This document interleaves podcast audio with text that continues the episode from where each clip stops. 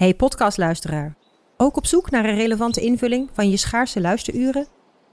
Tune dan in op de podcastserie ESG, even samengevat van BNP Paribas. Wij, Marloes en Aldert, spreken daar duurzame voorlopers en wereldverbeteraars.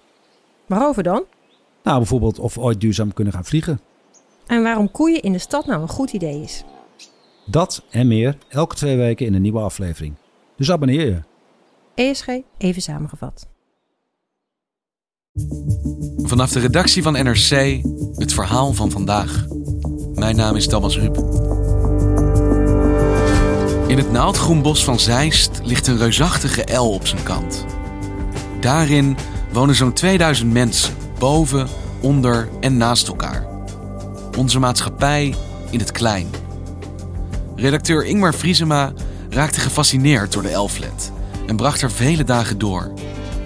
Wat zag hij in deze gestapelde samenleving?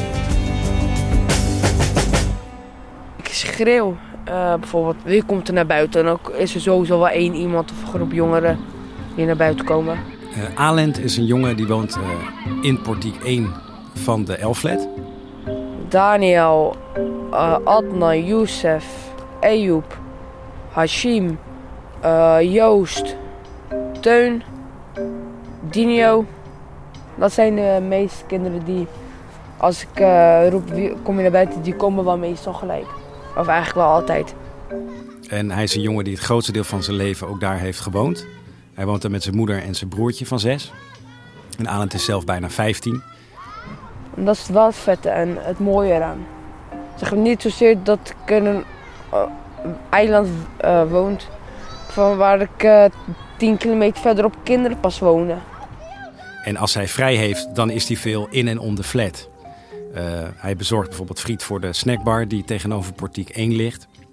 En hij uh, speelt voetbal in de voetbalkooi naast portiek 8. Uh, en hij vist ook in het vijver, en die heet de Strontvijver, omdat vroeger het riool daarop uitkwam. Hij zegt zelf, de flat is soort van mijn hometown. En ik voel me er op mijn gemak. De mensen kennen me hier en ik ken de mensen. En hij was bereid om uh, ons, de fotograaf Daniel Niesen en mij, rond te leiden door de flat. We gaan hier weer naar links. Oh, oké. Turn left, about 50 miles. Waarom ben jij deze flat gaan bezoeken? Wat is dit voor een plek? Ik ben deze uh, flat, of een flat gaan bezoeken, omdat ik een keer op een andere manier uh, een uh, artikelenreeks wilde schrijven. Uh, normaal gesproken laat je je leiden door een onderwerp. Ik heb zelf jarenlang voor de binnenlandredactie gewerkt. En dan schreef ik bijvoorbeeld over jeugdzorg. En dan kwam ik op een thema zoals bijvoorbeeld het meerderjarig worden vanuit een jeugdzorginstelling. En vanuit zo'n onderwerp ging ik mensen zoeken die daarover konden vertellen. Dus het onderwerp stuurt je naar een bepaalde plek of naar een bepaald persoon toe. Ik wilde dat voor dit project omdraaien en de plek zelf als uitgangspunt nemen. En wat is dit voor een plek? Wat is, onderscheidt deze flat in Nederland? Ja, het is een enorm grote flat. Ik had nog nooit zo'n grote flat gezien. Uh, het is een flat die 13 verdiepingen hoog is, 40 meter hoog. Maar hij is vooral heel erg lang. Dus het is een halve kilometer van het ene plek naar het andere. En hoeveel mensen wonen daar? Dat weten we niet zeker. Je kan uitgaan van het uh, gemiddeld aantal mensen in een huishouden. En dan kan je het omrekenen. En dan doe je het keer 728 huishoudens. Want er zijn 728 adressen. En dan kom je ongeveer op 1600 uh, bewoners. Dit legde ik voor aan de huismeester van de woningcorporatie, Woongoed. Maar die zei: nee, dit kan je eigenlijk nog niet, niet zo zeggen, want we weten het eigenlijk niet. Want er zijn ook adressen uh, waar die op naam staan van iemand, maar daar wonen dan vijf illegale Polen. En zo zijn er meer van dat soort adressen. Dus hij zegt: ik schat zo'n 2000 mensen. En ik heb geen flat gevonden na enig onderzoek die groter is. Dus dit is de grootste flat van Nederland? Vermoedelijk wel. Die flat is eind jaren 60 gebouwd om de woningnood te lenigen in Zeist. En was toen, zoals alle flats in die tijd, ook de Belmer of Immerlo in Arnhem, een soort hoopvol project. En hoogbouw was the way to go. In het geval van Zeist in het groen. En er waren allerlei moderne, voor die tijd, woongemakken. Zoals een uh, centrale verwarming. Um, maar er kwamen wel mensen wonen, leraren, ambtenaren. Juist al die mensen waar de corporaties nu er niet meer voor zijn.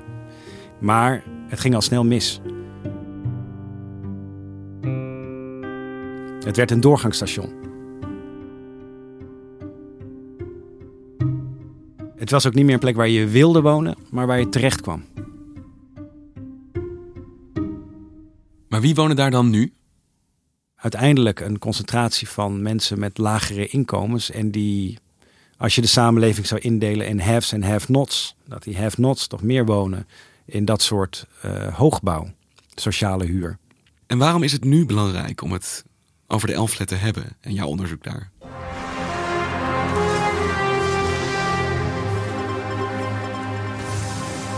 Goedemorgen. Het gaat niet goed met de leefbaarheid in wijken waar veel sociale huurwoningen staan.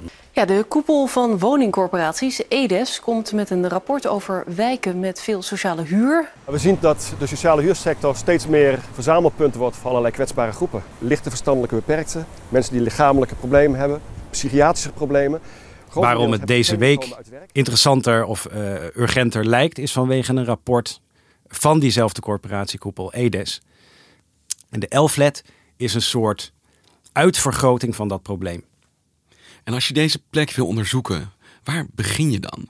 Um, omdat ik op pad was met uh, fotograaf Daniel Niese, die jaren uh, in zijn jeugd had doorgebracht in de Elflet, daar had gewoond, zijn we naar, uh, ook naar het portiek gegaan waar hij had gewoond. Portiek 1, dus het eerste portiek van die flat, omdat hij daar ook meerdere mensen kende. En zo zijn we in contact gekomen met Alent, een jongen die nu opgroeit in portiek 1 van de Elflet. En toen hebben we gevraagd of hij onze gids wilde zijn rond die flat. Ik zat hier achter op school. En eigenlijk voor iedereen van het kleine ken ik hier wonen Je zat hier op de basisschool? Deze straat? Ja. Hij woont samen met zijn moeder uh, en met zijn broertje. Zijn vader is een aantal jaren geleden helaas overleden. Dat zorgde thuis voor uh, geldzorgen, omdat die vader de kostwinner was. Uh, dus er kwamen schulden. En het gezin kwam ook terecht bij de voedselbank. Die voedselbank die zit in de L-flat zelf. Die zit in de flat? Die zit in portiek 7, in het inloophuis. Het inloophuis is dan elke vrijdag het decor van de voedselbank. En daar ben ik dus ook gaan kijken, om te zien hoe het er daaraan uh, toe gaat. Uh, 139, twee personen vis. Je doet die deur open, je loopt door de gang en dan heb je daar een soort woonkamerachtige setting. Die dan is overgenomen door de vrijwilligers van de voedselbank Zeist. Oké, okay, nou bedankt. Veel plezier. Doei. Nummer 7. En er zijn, ik meen dat er iets van 60 pakketten elke vrijdag werden uitgedeeld. En het grootste gedeelte van de voedselbankklanten waren bewoners van de Elflet. Hoeveel precies, dat is mij niet verteld. En het feit dat Alent opgroeit in een flatgebouw waar ja, de voedselbank nota bene binnen in het pand zit. Hoe kijkt hij daar tegenaan? Hoe ziet hij dat? Voor hem is die voedselbank een onderdeel geweest van die Elflet. Dus iets wat hij denk ik voor lief nam. Maar het werkt ook door nu zij niet meer bij de voedselbank zitten, hij en zijn gezin. In die zin, en dat geldt voor veel kinderen die opgroeien met enig geldgebrek in, in enige jaren van hun jeugd, dat, ze, dat het besef van geld sterker wordt. Alent vindt het belangrijk om zijn eigen geld te verdienen. Nou, ik begon al, al heel vroeg met sparen van 5 centjes en zo. Uh, was al sinds mijn zesde. Hij werkt dus in de snackbar die zich bevindt pal tegenover Portiek 1. Het is een snackbar van de Elflet zou je kunnen zeggen. En daar bezorgt hij eh, friet voor en kroketten en kaassoufflés. Met een elektrische fiets. Om geld te verdienen, om niet steeds te vragen ik zeg maar wat, Daniel, kan je me 2 euro lenen? Of, hey uh, Ingmar, kan je me 3, uh, euro 55 gunnen? Nee, dat kan ik wel zeg maar voor mezelf betalen. Want je kunt laten zien aan andere mensen, dit kan je ook bereiken. En hij spaart ook voor zijn studie later. En kan dan soms bedragen noemen dat je denkt, zo die is zich veel bewuster van geld dan een gemiddeld kind. Omdat hij dan bijvoorbeeld weet wat een uh, schoonmaker per maand verdient. En dan zegt hij, nou ja, dat betekent wel dat ik liever wil gaan studeren. Een studie is sowieso al geen 10 euro. En zijn daar wel duizenden euro's waar je over praat. En de problemen die jij beschrijft, die je ziet op deze plek, sociale problematiek, in hoeverre loopt hij er tegenaan? In hoeverre ziet hij dat? Nou, tijdens de rondleiding liepen we ook naar een uh, plek waar uh, Alend een andere keer langs was gefietst. En waar die enorm van was geschrokken, was dat daar een man lag die net was gesprongen. Ja, ik fietste en toen zagen we iets op de grond liggen. Een, een lichaam. En dat was het moment dat ik dacht, dit is fout het boel. In de Elflet zelf schat de huismeester dat de afgelopen 15 jaar ongeveer zes mensen van de flat zijn gesprongen. Maar elke sprong is natuurlijk uh, een enorme dreun en maakt indruk op iedereen. Het is niet meer dat ik er steeds aan denk. Alleen ik zit er wel aan te denken van... Hé, hey, waarom, waarom wil je dit waarom wou je dat gaan doen? Waarom ben je niet een andere oplossing gaan zoeken? Dat. Nou, dat er mensen zijn met uh, psychische problemen, dat uh, zeggen ook andere kinderen uh, in de flat. Het was een meneer en we denken dat het een zwerver is, maar dat weet ik niet zeker. Die man had waarschijnlijk ook psychische problemen. Dan wilde hij bijvoorbeeld een knuffel of zo uit het niets. Of hij ging heel vaak bij auto's vragen of hij geld mocht. En die kwam soms achter je aan op zijn fiets. Die heb ik nu niet meer gezien de laatste tijd. Maar het was iemand die, waar we echt last van hadden. Suus, een meisje van inmiddels 13. Zij zit op het VWO. Zij zit op rugby. En ze zit op schaken. En ze woont met haar moeder in de flat. En Suus heeft een heel andere kijk op het wonen daar dan Alent. Ze vertelde over een, uh, uh, over haar eigen buren ook. Ze heeft buren gehad die, uh, die soms de weg kwijt waren. Ze herinnert zich als, dat ze als klein meisje vechtpartijen heeft meegemaakt of dat ze daar getuige van was.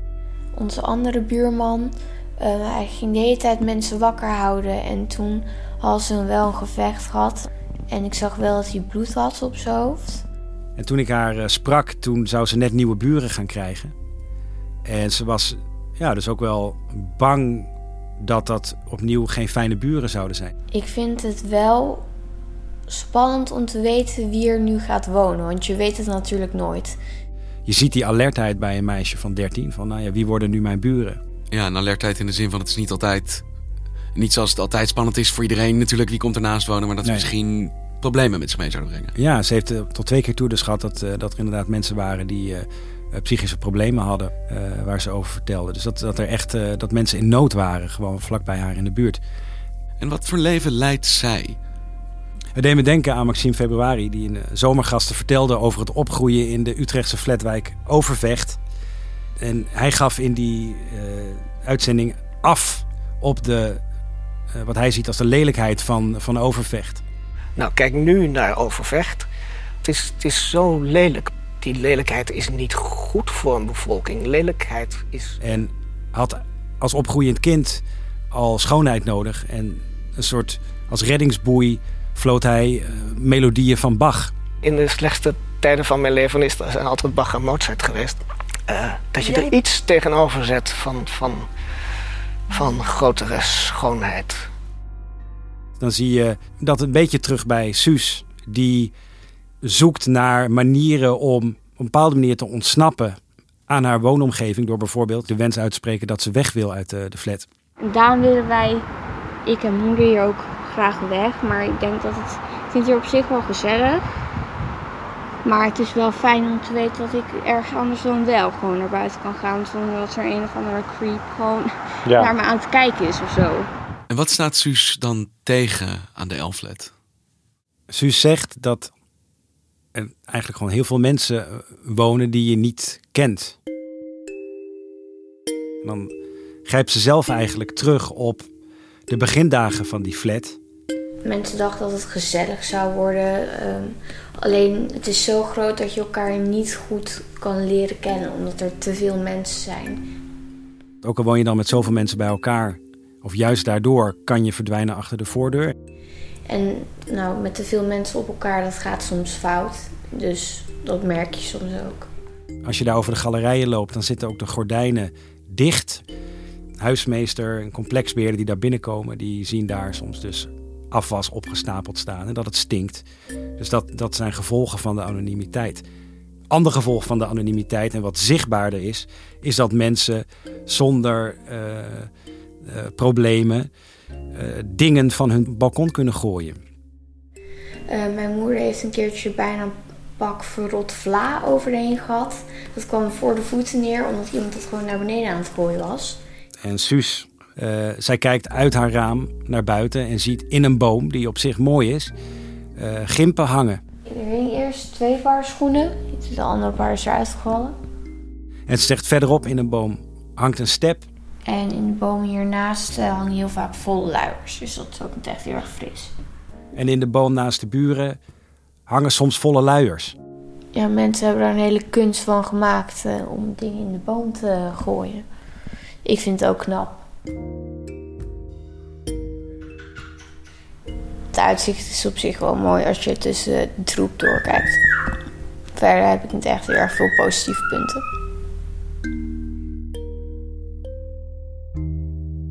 En als je nou maandenlang hier onderzoek doet, met welke conclusie loop je dan weg? En natuurlijk zie je daar allerlei problemen uh, zich manifesteren. Maar ja, ik ben dus niet inderdaad daar naartoe gegaan om een soort um, praatje te kunnen maken bij een soort overkoepelend plaatje dat nu ook weer is onderstreept door een rapport. Mijn benadering is een andere, dat je uh, vervolgens kijkt in zo'n flat waar dat soort dingen inderdaad spelen. En dan zie je uh, dat er behalve problemen ook toonbeelden zijn van solidariteit bijvoorbeeld. Je denkt aan een flat misschien, ja, dat is anoniem, 728 voordeuren, massaal. Maar veel bewoners kennen elkaar. En er zijn allerlei dwarsverbanden in die flat van Portiek 1, daar kent iemand op één hoog, iemand van uh, 13 hoog in uh, Portiek 3. En die helpen elkaar. Een uh, Syrische man die helpt een de Russische buurmeisje die een snee in haar hand kreeg. En rijdt, haar zonder twijfel naar het, naar het ziekenhuis.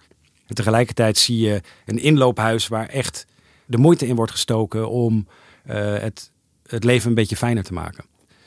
Uh, dus je ziet in die Elflet zowel um, de ontkrachting als de bevestiging van de stelling dat de meeste mensen deugen.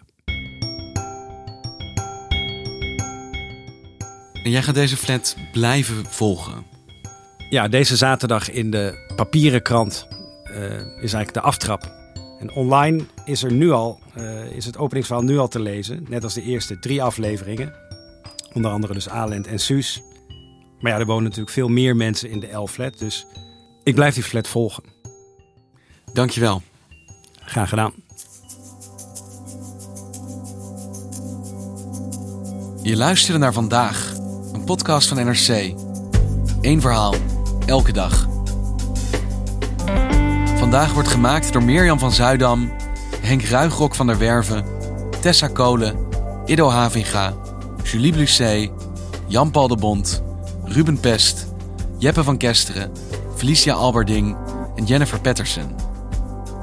De muziek die je hoort is van Rufus van Baardwijk. Dit was vandaag, maandag weer.